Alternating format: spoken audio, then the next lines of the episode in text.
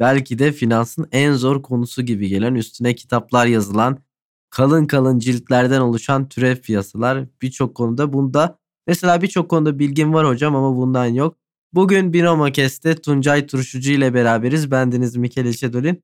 Vadeli işlemler ve opsiyon piyasalarından bahsedeceğiz. Hocam hoş geldiniz tekrardan. En başından başlayalım. Vadeli türev ürün ne anlama gelir? Nedir?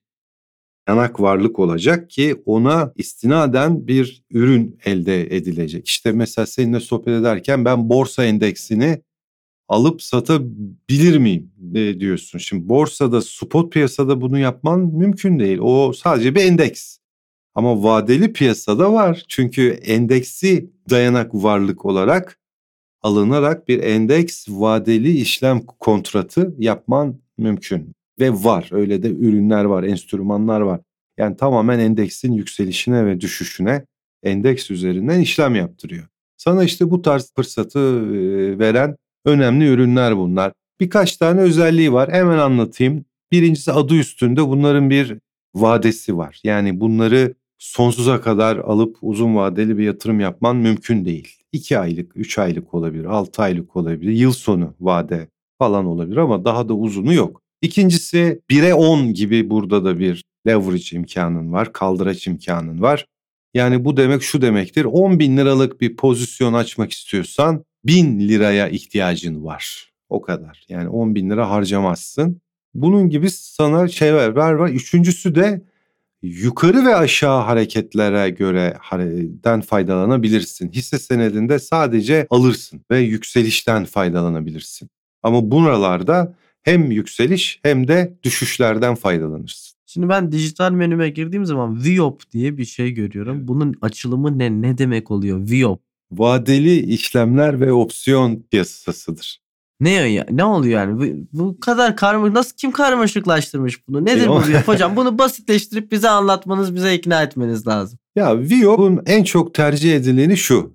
Parası çok az olanlar da var. Yani çok düşük bir miktarı var işte bin lira var. O bin lirayla gidip bin TL'lik bir hisse senedi alsa yüzde yirmi kar etse mesela 200 TL bir kar edecek. Ama o bin lirayı vadeli piyasaya sokuyor. Aynı bu arada şirket hisse senetlerinin de vadeli işlem kontratları var. Yine o hisseleri dayanak varlık oluyor. Onlara ait bir vadeli işlem kontratları açmışlar. O bin liralık yatırarak 10 bin liralık bir pozisyon açıyor. Onun yüzde yirmisi 2000 lira oluyor. Ne oldu? 1000 lira yatırdın 2000 lira elde ettin. Yani 1'e 2 gibi bir kar elde ediyorsun. Şimdi bak rakamlar birdenbire şey yapıyor, farklılaşıyor. İşte vadelinin sana sunduğu en önemli şey budur. Ama adı üstünde vadelidir. Yani aldığın o ürün veya sattığın her iki yöne de onun bir vadesi var. Mesela aralık kontratıdır o mesela. Aralıktan önce çıkamaz mıyım? Satabilirsin.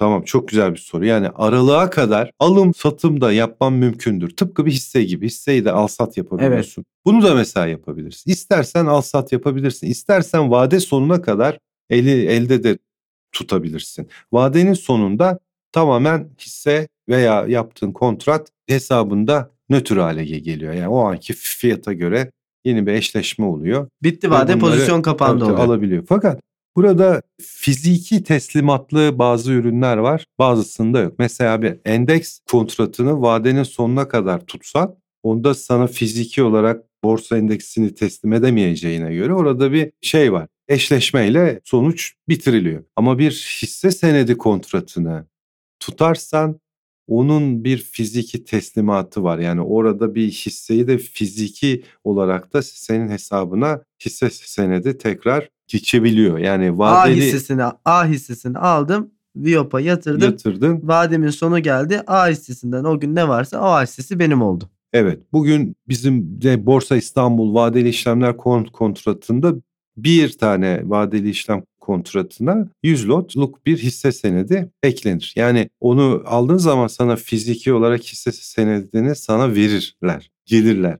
Onun tabii bazı şeyleri var. Yani hesabında paranın olması, ne kadarlık paran olması lazım vade sonlarında. Onlar önemli. Onları bir okumak lazım. Burada şimdi o, o kısımlar uzun sürer yani. Ama Vadeli işlemlerde vadeye kadar istediğin gibi alırsın ve satarsın. Şu anda en çok yapılan iş budur ve bunun da en önemli de sebebi az parayla daha fazla büyüklükte işler yapabilmendir. Yani bunun kaldıraç oranı yani hisse senedi alacağıma vadeli alayım kaldıraçla daha yüksek karlar elde edebilirim Evet. gibi gidiyor.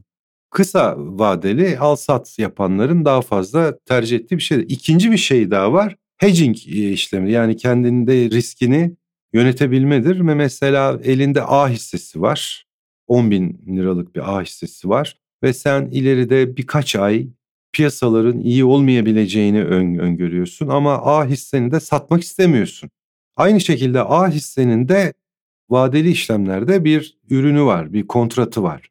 Orada da yine 10 bin liraya karşılık gelecek şekilde 1000 TL harcayarak 10 bin liralık o A hissesinden de satış şeyi açıyorsun, pozisyonu. Bir yerde 10 bin liralık hissen var, longsun, biz buna long deriz. Öbüründe shortsundur. Orada da short açıyorsun. Ne oluyor? En azından bu gelecek 3 ayı yükselse de düşse de aynı yerde tamamlıyorsun. Sıfıra sıfırsın. Bu şekilde bir kontrol içerisinde geçiriyorsun. Sonra önünü daha net görmeye başladığında vadeliden çıkıyorsun. Yine long olarak hissende yoluna devam edebilirsin mesela. Özellikle o zaman önemli kararlar öncesinde bunu yapıyorlardır. Merkez Bankası toplantıları, FED toplantıları öncesinde bunu muhakkak yapıyorlardır. Çok çok önemli ve çok da sık da zaten yapıyorlar doğru.